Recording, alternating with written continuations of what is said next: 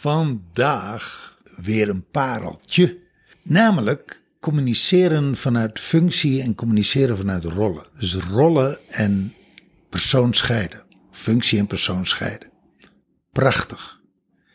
Als je regelmatig vastloopt in je communicatie, als er uh, gedoe is, als er verstrikking is, als er irritatie is, als er niet geluisterd wordt, niet gehoord wordt, moet je zeker naar deze podcast luisteren. Veel plezier.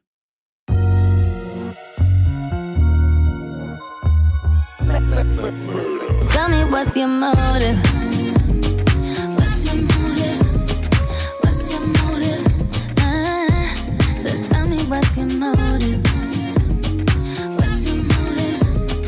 What's your motive? Dit is een eh, podcast met ontzettend veel goud. Dus daar, dat is, ik heb de behoefte om daarmee te beginnen. Want ik weet namelijk ook tegelijkertijd dat het een heel confronterende podcast gaat zijn. Dat het ook een podcast is waarin je misschien jeuk krijgt, waarvan je zegt van nee, nee, Jaldara of Brians, dat ga ik niet doen. Dat doe je toch niet normaal gesproken. Op die manier communiceer je toch niet.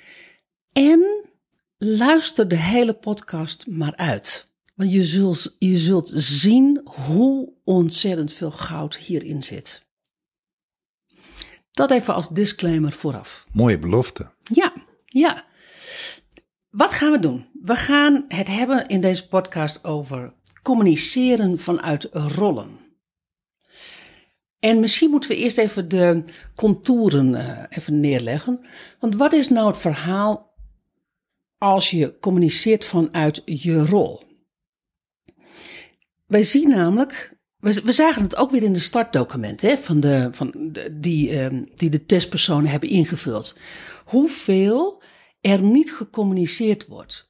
En je kan eigenlijk gevoeglijk wel aannemen dat er, als je het lastig vindt om te zeggen wat je te, te zeggen hebt, om te voelen wat je te voelen hebt en te doen wat je te doen hebt, dat daar verstrikking op zit. En dat daar dus onhelderheid op zit. En dat is eigenlijk de aanleiding van deze podcast. Ja. Want, want je ziet heel duidelijk, je ziet zo duidelijk om je heen.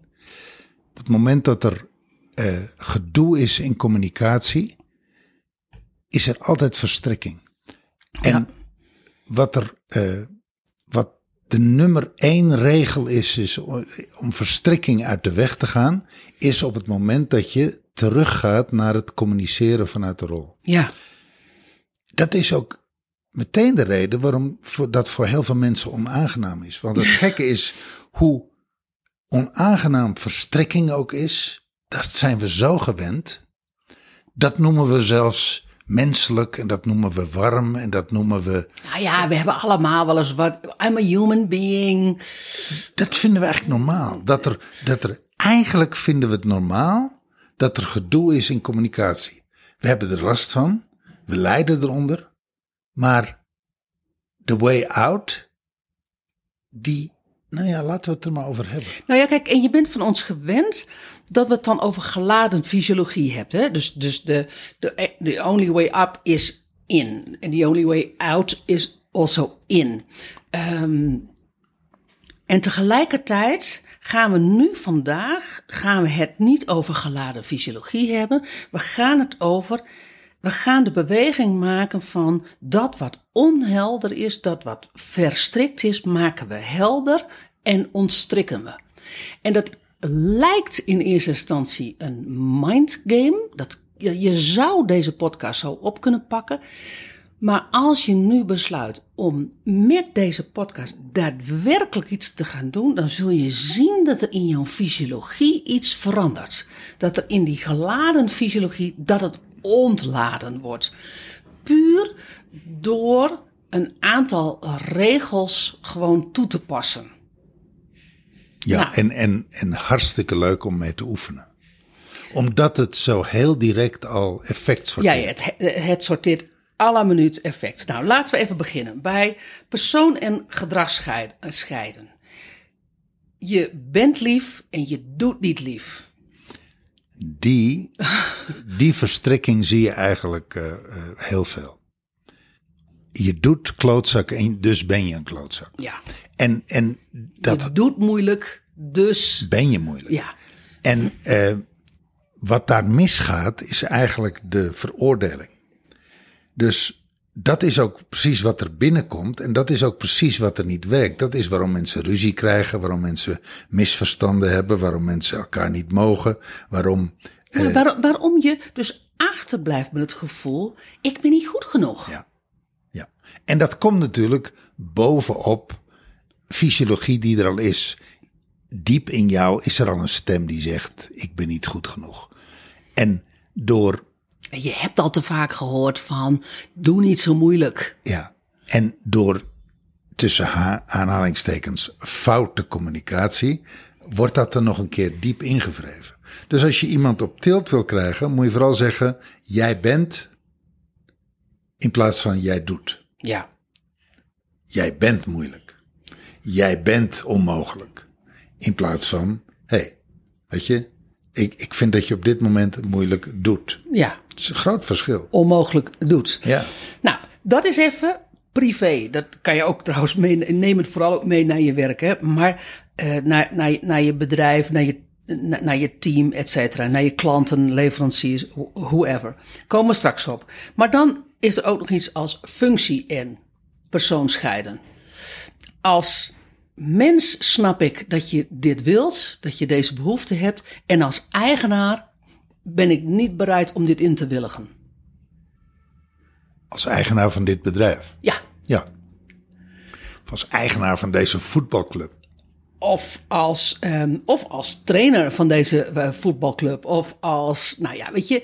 ehm, in ieder geval functie en persoon scheiden. Werkt fantastisch. Ik heb, ik heb wel eens in een podcast gezegd. toen een, personeelslid van ons eh, meldde dat ze zwanger was. op een ongelooflijk onge- ongelukkig moment. Dat ik verschrikkelijk begon te huilen. En dat ik tegen haar zei van...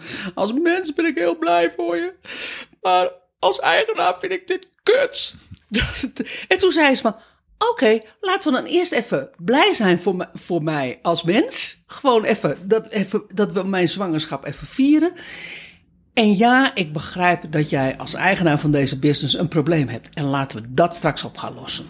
En het leuke is, jij sprak in functie en rol. Maar zij sprak dus ook terug in Ja, functie en rol. ja, ja. Zij, eh, zij hè, eh, en wat scheiden ze? Het zwanger zijn, de zwangere vrouw zijn. Nou, ze, ze voelde zich wel gehoord in het zwanger zijn. ja. En ze begreep dat het een probleem was. Ja, maar dat, dat vond, ik, vond ik persoonlijk heel. Ik vond het knap van jou dat je dat, je dat deed.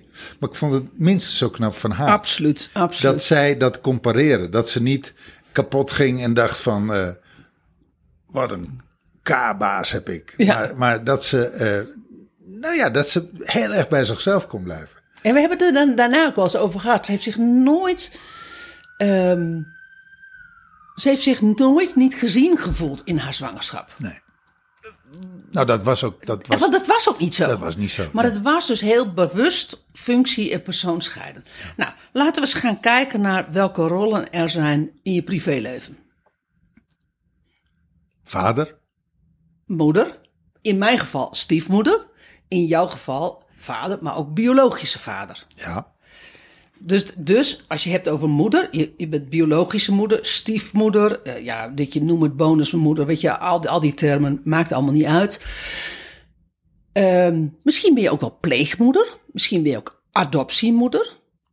Oh ja, dat is ook een mooie. Ja, Ja, ja, de ja. psycholoog vroeger bij ons in het kinderthuis, als, als een kind dan zei van ehm, eh, mijn moeder, eh, je bedoelt je adoptiemoeder. Hé, doe niet zo moeilijk. Nee, het is je adoptiemoeder. Jouw biologische moeder woont in Brazilië. Dat is je moeder. Rollen. Gaat weer over rollen. Ja. En dan komt. Ik, ik, waar ik behoefte aan heb, Jaldara, om even eh, voor de luisteraar even wat meer helderheid te brengen in functie en rol. Wat is nou het verschil? Nou, kijk, functie, functie en. ehm, kijk, la- laat ik even, functies zie je vaak meer business-wise.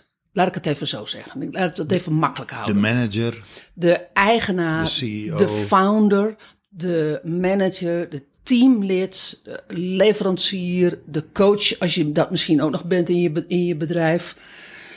Ehm, dat, soort, dat soort functies. de werknemer, de De werkgever. werknemer, precies. Ja, Dat zijn functies. dat zijn functies. Oké, en, en rollen? Dat zijn moeder, en dan wat ik net zei, van die biologische moeder, stiefmoeder, adoptiemoeder, pleegmoeder, eh, dochter, partner. En dan partner wil ik specificeren in ex-partner en in huidige partner. Ik noem dat dan even huidige partner. Ehm, vriendin, buurvrouw. En alle, alles wat ik nu noem in het vrouwelijke kan natuurlijk ook in het mannelijke. Hè? En al die rollen hebben hun specifieke plek Ja, en hebben eigenlijk ook hun, en daar gaat het eigenlijk over, hebben hun afbakening. Ja. En dit heeft niets, even tussendoor, dit heeft niets met kou en warmte te maken. Want ik weet al, ik, ik weet al zeker dat er nu luisteraars zijn die zeggen: Hé, je zegt toch niet tegen een kind van. Dat is je adoptiemoeder en jouw biologische moeder woont in Brazilië. Dat doe je om helderheid te verschaffen. Dat doe je om, geen, om verstrikking tegen te gaan. Dat gaat er niet om dat de, dat de adoptiemoeder eh, niet aardig is, ehm, niet goed voor je zorgt. Weet je, je kan heel erg veel Mi- minder is. minder is. Je kan heel erg veel liefde hebben voor je pleegmoeder, voor je stiefmoeder, voor je adoptiemoeder. Echt oneindig veel liefde. Maar in rol zijn ze niet jouw biologische moeder. Simpelweg, ze hebben je niet gebaard. Nou ja, weet je wat je hiermee bewerkstelligt, is dat je eh, te alle tijden real blijft. Het, het, het spreken vanuit rollen en het eh, m- elkaar aanspreken vanuit rollen, of het helderheid verschaffen vanuit rollen, dat is precies wat het doet: helderheid brengen Ja, realness brengen. Ja. Waardoor je die, die, dat drijfzand wat soms in communicatie kan ontstaan, dat grijze gebied wat in communicatie kan ontstaan, de, we hebben het al genoemd, de verstrikking die in communicatie kan ontstaan, die voorkom je. ja. Ik weet, ik ken namelijk vanuit, ik heb, eh, we hebben allebei in kinderthuizen gewerkt.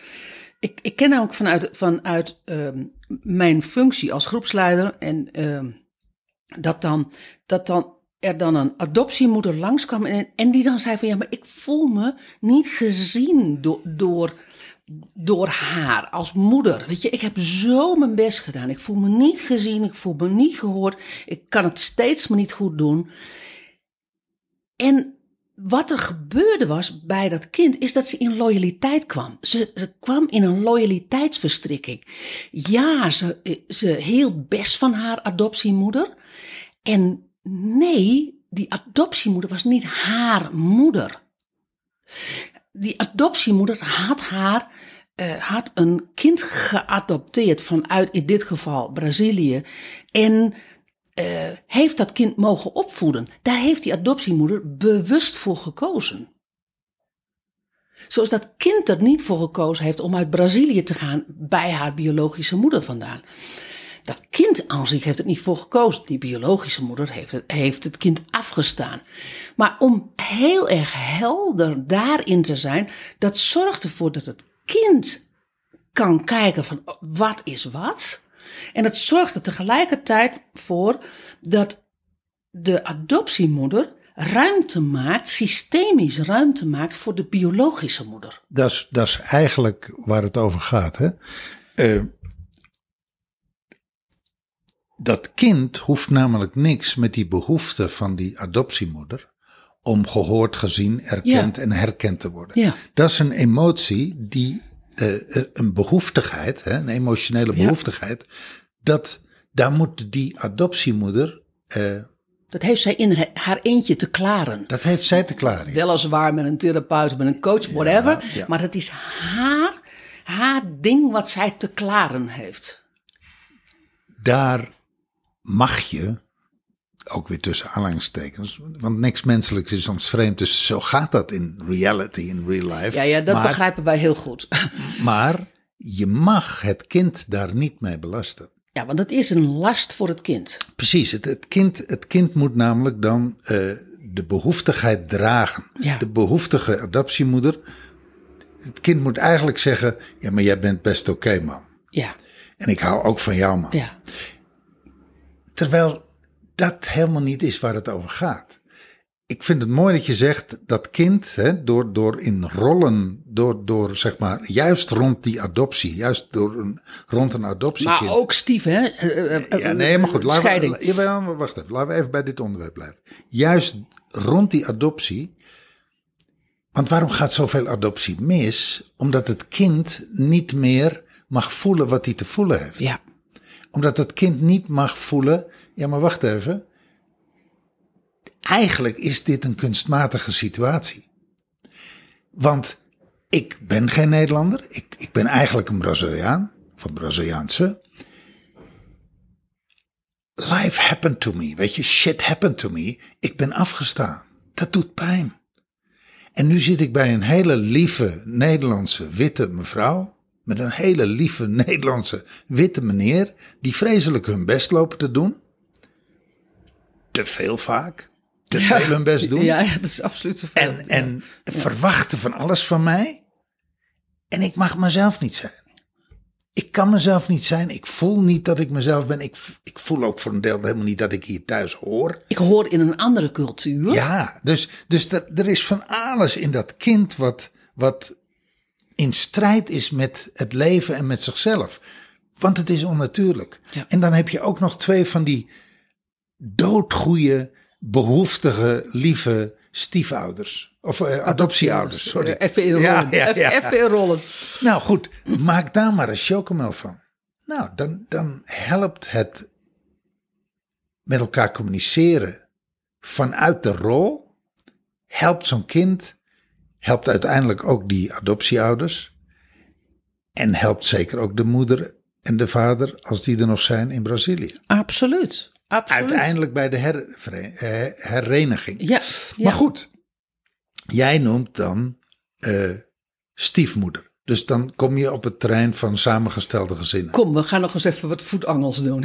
Nou ja, nee, dit, is, dit is het gebied van voetangels, hè? Oh man. Ik bedoel, adoptie, tuurlijk, dat is, een lastige. Maar wat dacht je van samengestelde gezinnen?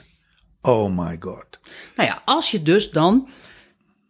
In ieder geval heeft ieder kind in een samengesteld gezin heeft een biologische moeder en een biologische vader. Het is heel simpel.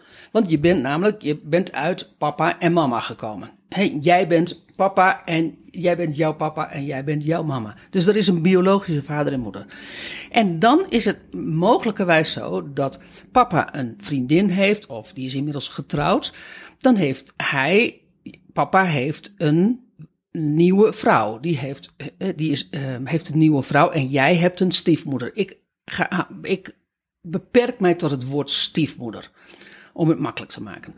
Kan zijn dat jouw moeder. Ik persoonlijk vind het eigenlijk een ontzettend rot woord. Ja, ik vind het ook een rot woord. Maar, maar ehm, bonusmoeder is niet altijd zo. Wordt niet altijd zo gevoeld. Weet je? Dus laten we al die andere woorden. En als je een ander woord gebruikt, vul het dan maar in.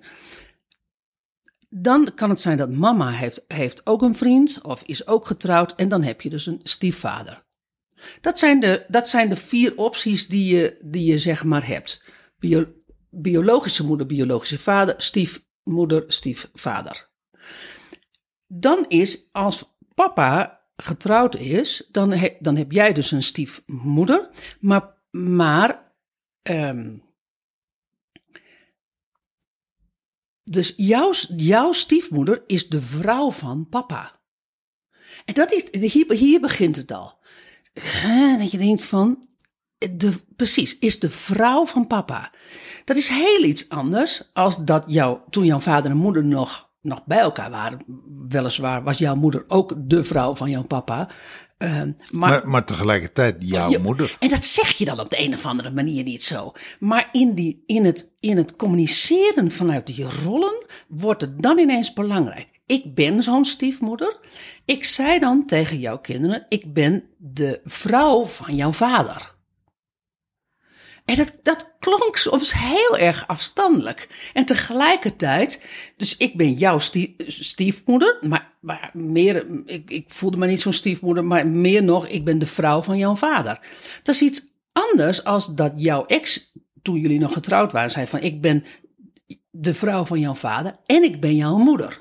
En wij, wij voeden jou samen op. In mijn geval, als stiefmoeder, ik ben de vrouw van jouw vader zit daar geen opvoedende rol. Want een stiefmoeder heeft geen opvoedende rol in de kern, in essentie. Tuurlijk, als de kinderen bij jou thuis zijn, hebben, hebben de kinderen zich tot jou te verhouden. Maar dat is iets anders als, als een werkelijk opvoedende rol, als het kiezen van scholen, het kiezen van dit en het kiezen van dat. Dat doen de biologische ouders. Als het, als het goed is, gebeurt dat. En het mooie is hoe, hoe helderder je, zeker in samengestelde, nieuw samengestelde gezinnen, com- communiceert vanuit de rol, hoe makkelijker het gaat, hoe soepeler het gaat, hoe minder chaos er is, hoe minder ruzie er is, hoe minder onrust er is, hoe minder strijd er is. Want je brengt letterlijk, systemisch, breng je rust in het systeem. En dat is eigenlijk eh, wat communiceren vanuit rollen is. Eigenlijk communiceer je vanuit systemische waarden. Ja. Dus, dus eh, je hebt ook, hè, als je dan zeg maar de, de kinderen, want we hebben het nu even over de ouders, maar als je de kinderen, stel dat er vijf kinderen zijn. Drie van papa en eh, twee van de nieuwe mama. Dat is in het samengestelde gezin van papa. Mama heeft mogelijkerwijs ook nog een samengesteld gezin. Waarin je dus een volgend weekend of een volgende week ben je bij mama met haar nieuwe partner, die ook weer kinderen heeft. Dus inmiddels zijn er al, bij wijze van spreken, acht kinderen in het spel. In samengestelde eh, combinaties. In het ene huis kom je combinatie A tegen, in het andere huis kom je communicatie, of kom je eh, eh, Combinatie. combinatie B tegen. En daar moet je allemaal chocomel van maken. Terug naar die rollen. Dus we hebben even in situatie A, papa heeft drie kinderen, de nieuwe mama heeft twee kinderen, vijf kinderen. Ook daar, als je ze systemisch op een rij zet, is er een eh, hiërarchie. Er is een hiërarchie. Je hebt kind 1, kind 2, kind 3, kind 4, kind 5. Communiceren vanuit rollen. Jij bent mijn dochter. Jij bent de dochter van je moeder. Jij bent mijn zoon. En ik als jouw vader pik het niet dat jij dit doet. Maar dat betekent, dat is het communiceren van, vanuit eh, rollen, is dus, eh, brengt het dus systemisch, brengt, bre- eh, brengt het rust, de, eh, de, het ontstrikt, maar het wijst ook direct verantwoordelijkheden toe. Met andere woorden, als ik gebruik nu even weer onze situatie. Als jij iets niet deed met jouw zoon.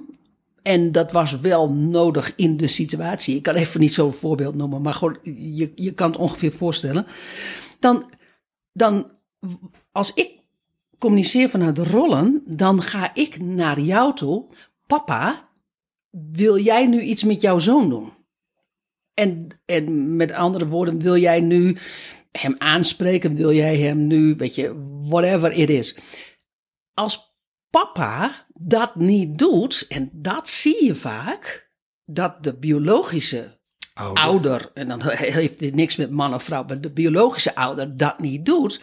En dan neemt de stiefouder neemt die rol, de rol op zich. Want die heeft zoiets van, ja, weet je, één ding, dit sta ik niet toe in mijn huis.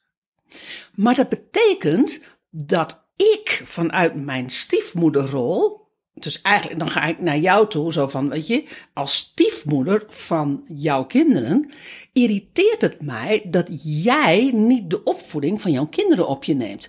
Als vrouw van jou wil ik dat jij je verantwoordelijkheid neemt. Nou ja, en ook als mede-eigenaar van dit huis, v- van dit gezin. Precies. eh, worden er nu regels overtreden en dat laat jij toe. En daar word ik niet gelukkig van. Of, Nou daar, ja, wordt- of nee. daar worden mijn, mijn kinderen niet gelukkig van. Dat gaat nog veel verder. Sterker nog, als ik jouw kinderen daarop aanspreek, dan krijgen we heibel. Want dat pikken ze niet van mij, want het is ook niet mijn rol en het is niet mijn plaats. Ja. Jij moet dat doen. Ja. Dit klinkt bijna kunstmatig, hè, terwijl we het doen. Terwijl ik hoor het en het is voor mij echt, het is echt water over Gods hart. ja, wij hebben het gedaan. Wij doen het. dit is, dit is zo heerlijk. Ja. Je, je moet, je, kijk, de eerste twee weken is het een toneelstuk. En heb je zoiets van, nou, het wordt tot op de millimeter wordt het zeg maar uitgekristalliseerd en uitgecommuniceerd. Dus het, het heeft iets kunstmatigs. Maar na twee weken raak je zo verslaafd aan de helderheid. Ja. Want weet je, al dat gedoe en al die ruzie en al dat, al dat moeras, daar ben je vanaf. Ja. En het mooie is, eh, jij doet dan even, hè, jij spreekt papa aan, vader aan, van hey, neem jouw rol. Het lek komt ook meteen boven. Nou, dat, dat is natuurlijk het verhaal. Het lek komt meteen boven, want als, als vader een beetje achteroverleunt en zoiets heeft van ja, laat maar zitten. Ja, dan gaat dat in een nieuw samengesteld gezin dat communiceert vanuit rollen, gaat niet werken.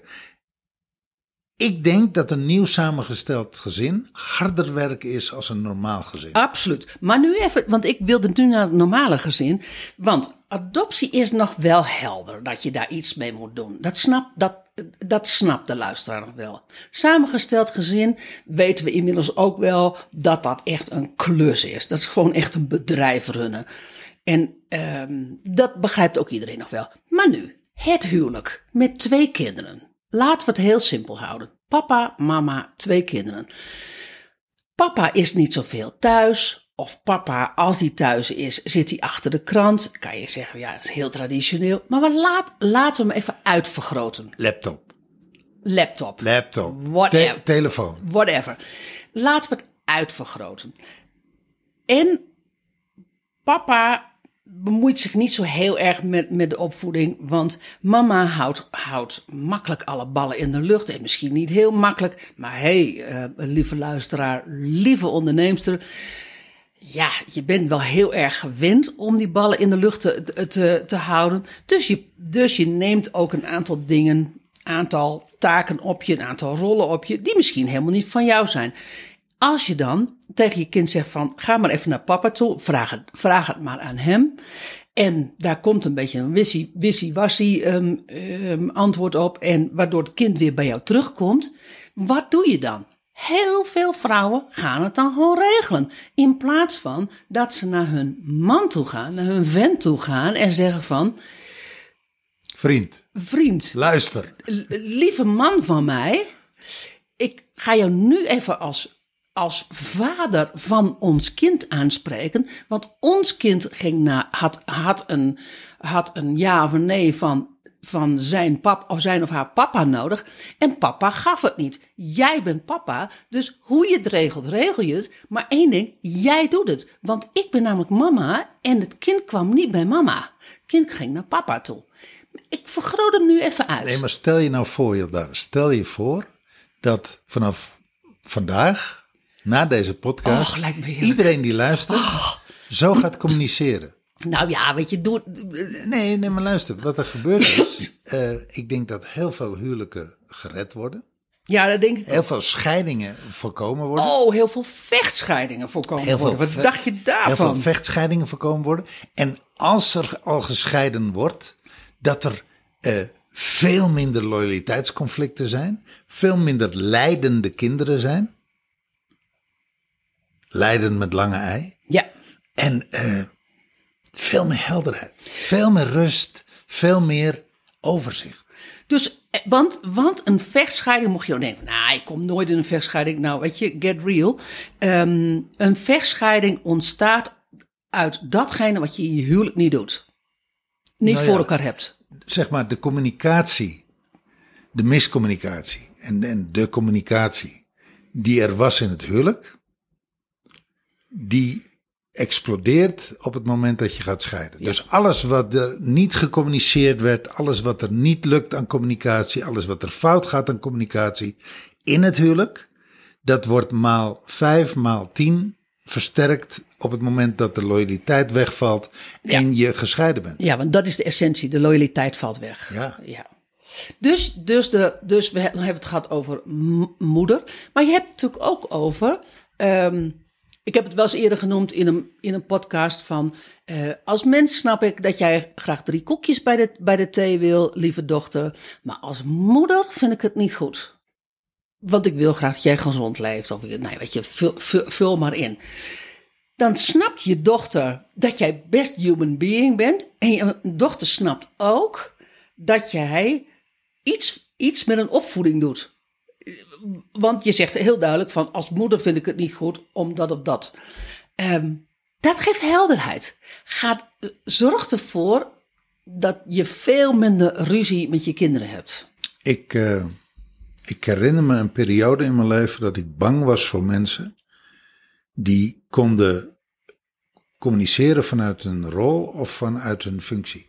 Daar zat namelijk, zeker in het zakelijke, zat er altijd een beetje eh, mentale kou bij. Ja, ja, ja. En eh, ik kwam in de knoop met mijn emotie. En ik kwam eigenlijk in de knoop met me niet gehoord voelen, me niet gezien voelen, me niet herkend worden. Ik vond het onveilig. Ik ken mensen die kunnen dat zo ontzettend goed communiceren vanuit rollen of vanuit functie, dat ik me er onveilig bij voelde. Terwijl feitelijk communiceren vanuit rollen veiligheid biedt. Ja, maar ik, ik, ik kom er opeens achter. Ja, ultiem brengt het alleen maar helderheid en veiligheid. Alleen, ik zat in een persoonlijke verstrikking. Ja, ja, ja, snap ik. En daardoor vond ik het bedreigend. Ja. En dat zie ik wel, dat zie ik wel om me heen. Nou ja, dat is ook waarom dat ik ermee begon hè, in, in, in deze podcast. Ik denk dat de mensen die weerstand hebben tegen het communiceren, dat hele heldere communiceren vanuit rollen, en dat ook volhouden, hè, en dat ook samen doen, daar samen op afgestemd zijn. Wat dat van je vraagt, is dat je bereid bent om die persoonlijke verstrikking aan te gaan. Ja, Want, ja mooi dat je dat zegt. want hoe dan ook, op het moment dat je gaat communiceren vanuit rollen, word je daar namelijk mee geconfronteerd. Ja, ja ik, ik, zal, ik zal nog eens even zo'n verwarring even, even opnoemen. Ehm, als je een knipperlichtrelatie hebt, dan, ehm, en je communiceert vanuit rollen, en je hebt een knipperlichtrelatie en je hebt ook nog kinderen, dan, ehm, dan is het, als het uit is, is het je ex-partner. En als het aan is, is het je partner. Ga daar maar eens chocola van maken. En dat, en dat betekent dus als het uit is en je wil in rollen spreken, dan zeg je dus tegen je ex-partner: ehm, lieve, lieve ehm, ex-partner, en dan moet je zelf weten of je lieve zegt, maar in ieder geval, ik zeg het even: lieve ex-partner, je bent de vader van, mijn, van, mijn, van onze kinderen. En dus, dus verwacht ik dat, dat, dat, of, nou weet je, dus doe je dat of dat of dat. Dat is heel, dat, dan komt er een hele andere loyaliteit komt er tevoorschijn, of ligt daaronder, als dat je dat tegen, als het aan is, tegen je partner zegt van, hey, lieve partner, dan zeg je ineens wel lieve partner, je bent de vader van onze kinderen, nou, puntje, puntje, puntje. Dat het in knipperlichtrelaties word je er ineens mee geconfronteerd. Is die, is die vader van, onze, van mijn kinderen, van onze kinderen, is dat nou mijn ex of is dat nou mijn partner? Kun je nagaan hoe verwarrend het voor kinderen is. Oeh, precies. Terwijl, terwijl, want terwijl ik het zeg, heb ik eigenlijk alleen maar, zie ik die kinderen echt gewoon helemaal gewoon eh, heen en weer ge- ge- geslingerd worden. Maar als het een knipperlichtrelatie is En jouw partner zegt, heeft zoiets zo van, ja, maar ik, ik, wil nog, ik wil nog graag in deze relatie blijven. En je gaat ineens communiceren vanuit je rol naar de ander zijn rol, dus naar de ex-partnerrol. En je, ja, dan wordt iets heel erg, iets heel erg duidelijk. Ik vraag me af, terwijl we deze podcast opnemen, of we het verkocht krijgen aan de luisteraar. Nou, Ik denk dat er luisteraars zijn die zeggen van, "Nee, dit ga ik niet doen. Dit, eh, dit, dit, dit is eh, bullshit. dit is precies en waarom ik- dat ik ermee begin, begon. En ik denk dat er luisteraars zijn die zeggen, wauw, wauw, ik snap dit en ik wil dit. Wij raken natuurlijk alleen maar het tipje van de ijsberg aan hè, in deze, in deze alleen maar. podcast. Waar, nee, maar wacht even. Als ik, als ik meer wil weten over, over dat hele fenomeen spreken vanuit rollen, eh, spreken vanuit functie, als ik daar Ontstrikte communicatie. Ja, als ik, als ik zeg maar meer wil leren over die onstrikte communicatie, waar ga ik dan heen? Ons. Ja, Naar ons. ja. Ja, nou ja, het leuke is, jij zegt naar ons, wij leren het aan onze klanten. Als bijproduct, hè? Als, bijproduct. Niet als hoofdproduct, als bijproduct. En ik zie het eigenlijk bij al onze klanten, komt het eh, voorbij. En ze vinden het allemaal even moeilijk. Ik vind het allemaal even moeilijk. Allemaal even onaangenaam. En het, het knapt er zo van op. Ja. Het Ja. knapt er zo van op. Ja. Het is heel vaak de relatie met de partner, hè? Dus- Of, of het is heel vaak, zeg maar, de situatie binnen het huidige gezin. Maar als je gedoe met je kinderen hebt, Ja. dan moet je het als eerste gaan doen. Ik moeder, jij kind. Ja. Ehm, dat, Dus, dat- dus ik, dat- niet, ik niet jouw vriendin, nee, Precies. ik jouw moeder. Ja, ja je, bedoel, ehm, je bent niet mijn prinsesje als, al- eh, als papa. Ik ben je vader, jij bent mijn dochter. Jij bent niet mijn prinsesje. Als je dat echt letterlijk bij wijze van spreken, eh, ook al zou je het alleen maar denken, dat je dus echt je kind ontslaat van prinsesje zijn voor jou. Dat je je kind ontslaat van de beste vriendin zijn voor jou. Wat heel veel moeders hebben, eh, eh, mo- moeder-dochterrelaties. Ook al zeg je het niet, mijn moeder was er altijd heel duidelijk over. Ik ben jouw moeder, jij bent mijn dochter. Heb ik niet altijd fijn gevonden hoor. Daar, daar ga ik heel eerlijk over zijn. Heb ik ook wel eens in een podcast gezegd. Dat vond ik koud. At the end vond ik het op cruciale momenten waarin er gedoe was tussen ons, waarin er herrie was, vond ik het altijd heel fijn dat zij dat deed. Zij was bij uitstek iemand die in rollen communiceerde. Naar haar kinderen toe, niet naar haar man. Nou ja, weet je wat het grote voordeel is van op deze manier communiceren? We hebben het al genoemd? En ik, noem, ik blijf het noemen omdat herhaling eh, belangrijk is in deze. Ten eerste ontwar je de emotionele verstrikking. En wat doe je daarmee? Door dat te doen, geef je jouw kind letterlijk de kans om op eigen benen te gaan staan, emotioneel. Op zijn eigen plek te gaan Om, staan. om, om emotioneel autonoom te worden. Ja, klopt. Want, want één ding, dat hele principe van eh, mijn dochter is mijn beste vriendin en mijn moeder is mijn beste vriendin, of mijn vader is mijn beste vriend, mijn zoon is mijn beste vriend, daar zit verstrikking waardoor je de ander autonomie ontneemt. Ja. Niet, maar niet alleen de ander, dus niet alleen je dochter of je zoon, maar ook jouzelf. ja, klopt. Nou, om, om die al te eten, om die al te herkauwen, om die al te eh, verteren, dat is al een lastige. Als, je, als jij een fantastische relatie hebt met je dochter. En jij hebt een fantastische relatie met je moeder. En jullie zijn inderdaad elkaars beste vriendinnen. En Jaldara en Briant die gaan jou even vertellen dat daar verstrikking zit. En dat dat je autonomie in de weg staat. Ja, doei. Nou ja, weet je, wij, wij hebben het er nu over, maar je voelt het al in je lijf, hè? Dus het is niet zo dat Briante Jaldara dat tegen je zeggen. Briante Jaldara nemen gewoon een podcast op. Nee, maar even terug naar de rol, hè? Ja. Briante en Jaldara, als therapeutische coaches, nemen gewoon een podcast op over verstrikking in communicatie. En hoe je dat kan ontstrikken, hoe je dat kan ontwarren. En dat doe je door onder andere in rollen eh, te communiceren. Eh Jaldara en Briant hebben geen enkel belang bij jouw ontstrikking. Eh, we vinden het, we gunnen je wel autonomie, want daar, daar, dat zorgt ervoor dat je werkelijk in je greatness kan, kan, kan stappen. Nou ja, dat is wel onze missie en onze Precies, visie. precies. Weet je, dat, dat iedereen, ieder mens op de wereld uiteindelijk in zijn autonome volwassene positie komt. Ja, Dat gunnen we de wereld ook. ja. Man. Wordt de wereld stukken fijner. Oh. Even terug, ik, dus oké, laten we dit even privé. Dan, ga ik, dan kan ik wat sneller door het zakelijke heen. Eigenaar, founder, manager, teamlid, werknemer, leverancier. En misschien ben je zelfs ook nog wel coach van je, van je eh, medewerkers. En er, zu- zullen nog wel meer rollen zijn, maakt eigenlijk niet uit. Wij hadden vanochtend kregen wij van een ehm, van een club waar we mee samenwerken. Ik ga even niet in detail zijn, want ehm, dat, is ook, is ook helemaal niet waar het over gaat. Kregen wij een stuk, stuk werk terug. Hè, zo- dus we hadden gevraagd van willen jullie dat voor ons op orde maken? Kregen een stuk werk terug. En wij waren allebei niet blij. Als je dan functie en persoon gaat scheiden, dan is, ehm, dan ben ik als, dan ben ik op dat moment niet blij met de leverancier.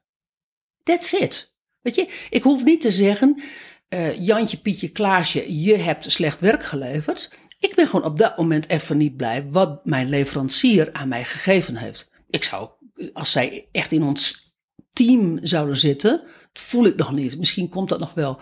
Dan zou ik kunnen zeggen van ik ben niet blij wat het teamlid lid heeft opgeleverd. Maar ik vanuit eh, mijn, mijn eigenaarschap van, van dit bedrijf. Wij podcasten nu samen niet als man en vrouw, als Briant en Jaldara lovers. Wij, wij werken nu samen. Wij zijn nu collega's. Ja, we zijn collega's. hey, collega. Eh, En, en als jij nu je mond zou houden, de 40 minuten, dan zou ik op een gegeven moment zeggen van, hey collega, wat vind jij ervan? Of doe ook eens je mond open. Maar als collega, niet als Briant. Als wij straks met deze podcast klaar zijn, gaan we ontbijten. En dan zijn we gewoon weer Briant en, en Jaldara die samen aan het ontbijten zijn. En, even, en, en weer een tijdje later gaan we video's opnemen. De laatste video's voor de, voor de startdocumenten om eh, die persoonlijke video's. En dan zijn we gewoon weer collega's. Om het echt heel, om ook dat weer in rollen. Want soms heb je namelijk, weet je, als je met je, met je man samenwerkt, of je werkt met je vriendin samen, of je werkt met, met, met andere mensen, dat je denkt van, hé, waar ben jij nou? In, in dit hele verhaal. Ik zie jou niet. Ik voel mij alleen gelaten. Nou, dan kan ik gewoon zeggen van... Hé hey Briant, ehm, eh, doe niet zo lullig dat ik al alles alleen moet doen. Ik kan ook zeggen van... Ik als mede-eigenaar van Briant en Jaldara... mis de andere eigenaar. Prachtig. Dat schept, weet je dat het mooie is? Je, eh, Maakt het voor mij veel makkelijker om te zeggen... en waarschijnlijk voor jou om te horen. nou ja, je drukt in één keer op de goede knop. Want als op, jij, op de, op de pijnlijke knop. Nou nee je, nee, je drukt op de knop die mij stimuleert om, Oh ja. om verantwoordelijkheid te nemen. Precies, en dan kom je even weer bij die verantwoordelijkheid. Zit je, kijk, druk je, druk je eh, op de schuldtripknop, waarop jij mij de schuld geeft en ik mij schuldig Van, ik voel. doe alles alleen. Ja, weet je, dat, dat- dat, slachtofferding. En dan de dader-slachtoffer, dat, dat hele spel. Dan kom je in verstrikking, dan wordt het lastig. Ja. Terwijl op het moment dat jij mij aanspreekt als mede-eigenaar tot mede-eigenaar, ja, is het in één minuut afgetikt. ja. Binnen een minuut. Binnen een minuut. Vroeger in het uitzendbureau hadden we natuurlijk gewoon tien mensen op, op eh, kantoor. Wij werkten gewoon soms in bepaalde projecten, werkten we met bepaalde teamleden. Dan ben je een teamlid. Dan ga je niet ineens gewoon die pet van eigenaar slash founder ga je ineens op, eh, opzetten.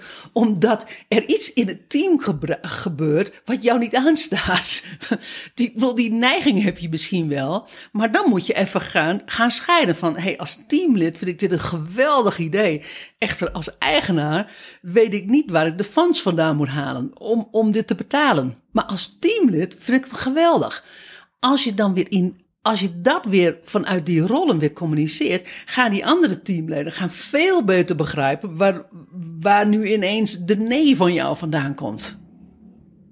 Het is, eh, wij, wij zijn groot voorstander van communiceren vanuit functie of communiceren vanuit rol. Precies. Nou, dit was een aanzetje. We hopen dat, eh, wie je zo zenuwachtig hebben gemaakt. Ja, die kans zit erin. en eh, misschien eh, ben je wel vreselijk geïnspireerd. En heb je zoiets van, oh wauw, dat, ik snap dit, ik ga dit doen. Nou, veel, veel plezier ermee. Nou, veel succes ermee. En ik heb een tip. Ehm, leg als je ermee aan de slag gaat, en ik kan het je echt aanraden om dit te gaan voelen wat dit met je doet, pak dan één specifiek ding op. Ga nou niet de hele wereld in, in rollen benaderen, maar ga nu eens, ga maar eens focussen op op één situatie waarin je, waarvan je zegt van daar zit verwarring, daar zit verstrikking. En die ga ik eerst eens even voor mezelf ontstrikken door die rollen. Dus wat is mijn rol? Of wat zijn mijn rollen? Wat is, wat is die andere zijn rol? Dat je in ieder geval daar even helderheid te krijgen. En dan dat gaan communiceren. En dan kan je van daaruit kan je het uitbreiden. Ja, veel plezier. Wil jij nou um, hier verder mee? En wil, je, wil jij die verstrikking in jouw leven ontwarren omdat je zegt van ja, weet je, dat belemmert mij, dat houdt mij klein in misschien wel twee, drie, vier gebieden in je leven? Neem dan contact met ons op. Laten we dan middels een vrijheidsgesprek met elkaar in gesprek gaan over wat wij, wat wij voor je kunnen betekenen en welke transformatie jij kan maken.